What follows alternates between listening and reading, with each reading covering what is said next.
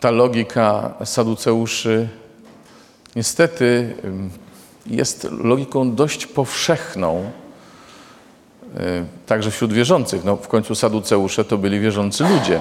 To byli Żydzi, którzy wierzyli na swój sposób. Tam było trochę różnych gatunków Żyda, w sensie e, Żyda, w sensie wyznawcy. Byli saduceusze, byli faryzeusze, byli eseńczycy, różni, różni tacy.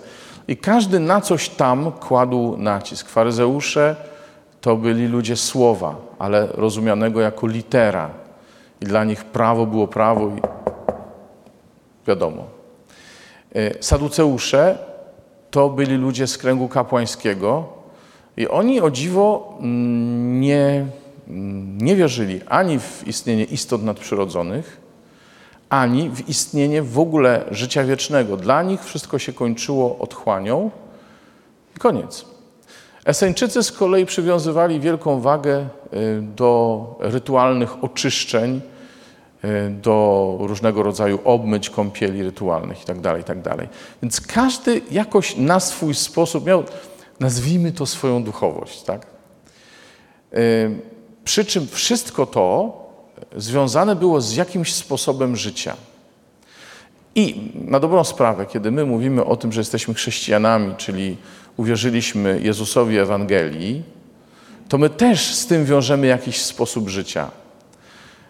No i e, jeśli by to na tym miało tylko poprzestać, słuchajcie, to byśmy e, sprowadzili Ewangelię znów do przestrzegania pewnych norm e, poddanych przez Jezusa, za które On umarł, czyli są ważne, bo Jezus za nie umarł, tak? Oddał za nie swoje życie. I nic byśmy się, słuchajcie, nie różnili od tych, którzy dzisiaj kwestionowali zmartwychwstanie wobec Jezusa.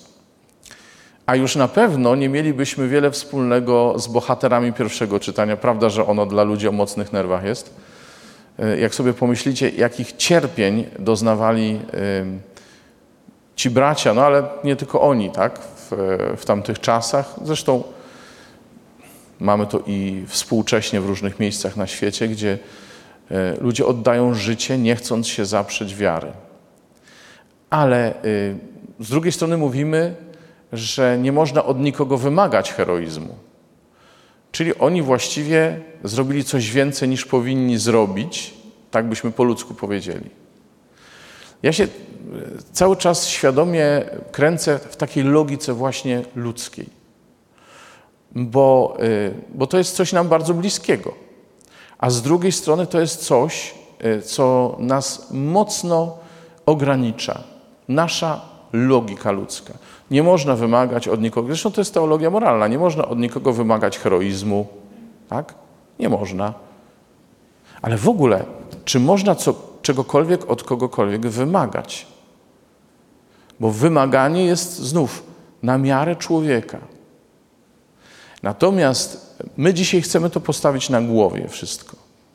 Bo jeżeli Jezus przyszedł po to, żeby dać świadectwo o, o życiu wiecznym, dać świadectwo o Królestwie Niebieskim i otworzyć nam drogę do Królestwa Niebieskiego, czyli tu o inną logikę chodzi. I e, dzisiaj Jezus mówi o tym, że w Królestwie Niebieskim się nie będą żenić, nie będą za mąż wychodzić, czyli to tak jakby chciał powiedzieć, o tu konsekrowani, proszę bardzo, e, to oni są e, przykładem dla wszystkich. Nie do końca o to chodzi.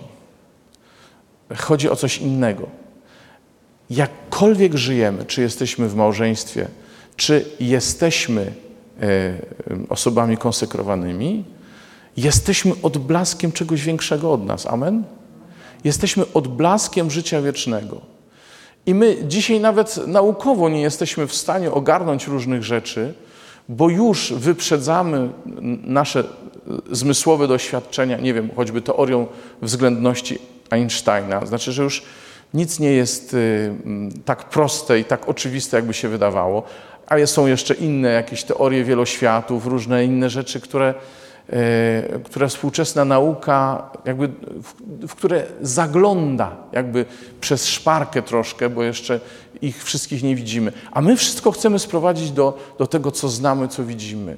Jezus nam otwiera tą perspektywę, te drzwi, które nauka do tej pory tylko uchyliła, to Jezus nam otwiera i pokazuje nam, że my jesteśmy odblaskiem życia wiecznego, odblaskiem wieczności jesteśmy my tu na ziemi, takim cieniem tego, co będzie. Więc nie chodzi o to, że my mamy uwierzyć w coś, i, bo jak, to, jak to śpiewa zespół raz, dwa, trzy, bo trudno nie wierzyć w nic. To jest instynkt religijny, to jeszcze nie jest wiara.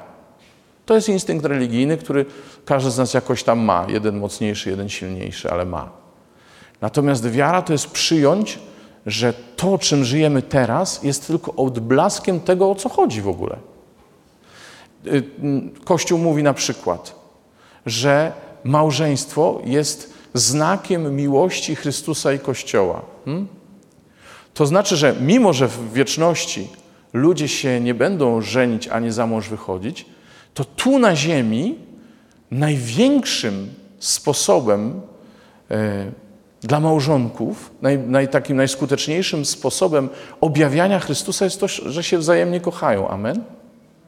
Że oni w ten sposób ewangelizują, objawiają, uobecniają miłość Chrystusa do Kościoła. Amen?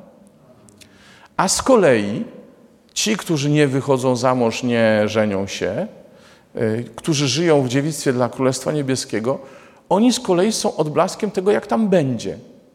Czyli i jedni, i drudzy w jakiś sposób objawiają życie wieczne. I słuchajcie, jeśli my nie będziemy mieli tej perspektywy, że my jesteśmy tylko takim odblaskiem czegoś większego od nas samych, to nie będziemy mieli żadnej motywacji do tego, żeby przekraczać nasze ograniczenia, żeby przekraczać nasze słabości. Na przykład małżonkowie naprawdę, no kto im to każe robić, żeby przyjmować swoje wady, które się coraz lepiej poznaje z biegiem lat?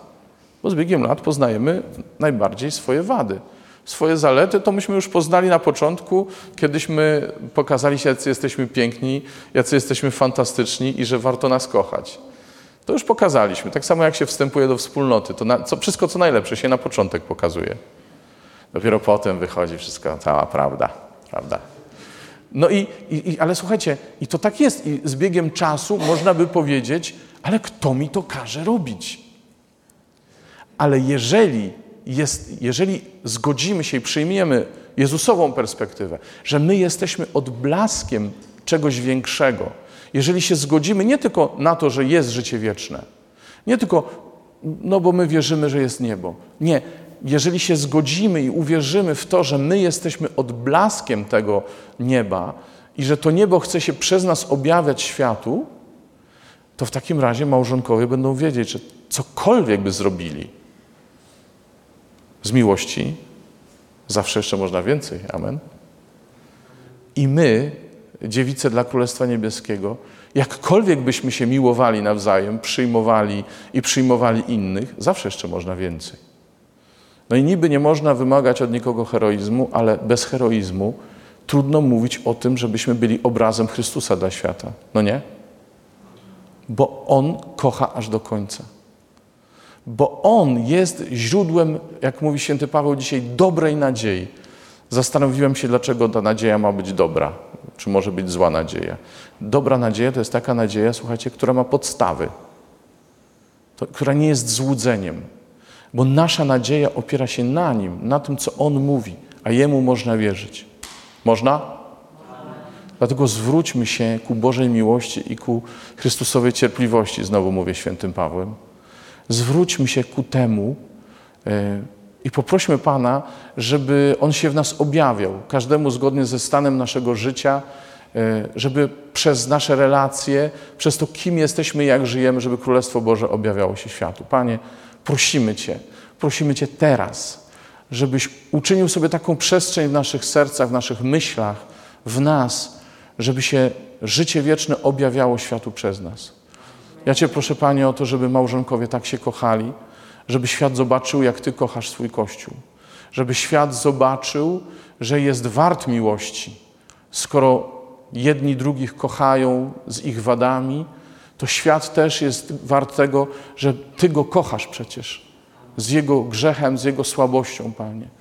Ja Cię proszę, aby, abyśmy my, y, bracia i siostry konsekrowani, żeby nasza miłość była coraz większa, żeby świat zobaczył, jak my się miłujemy, jak my przyjmujemy innych, nie oczekując nic, nic w zamian, nie mając siebie na własność e, w wyłącznych relacjach, tylko e, mając Ciebie jako jedyną miłość naszego życia. Proszę Cię, Panie, w ten sposób również objawiaj się światu. Amen. Amen.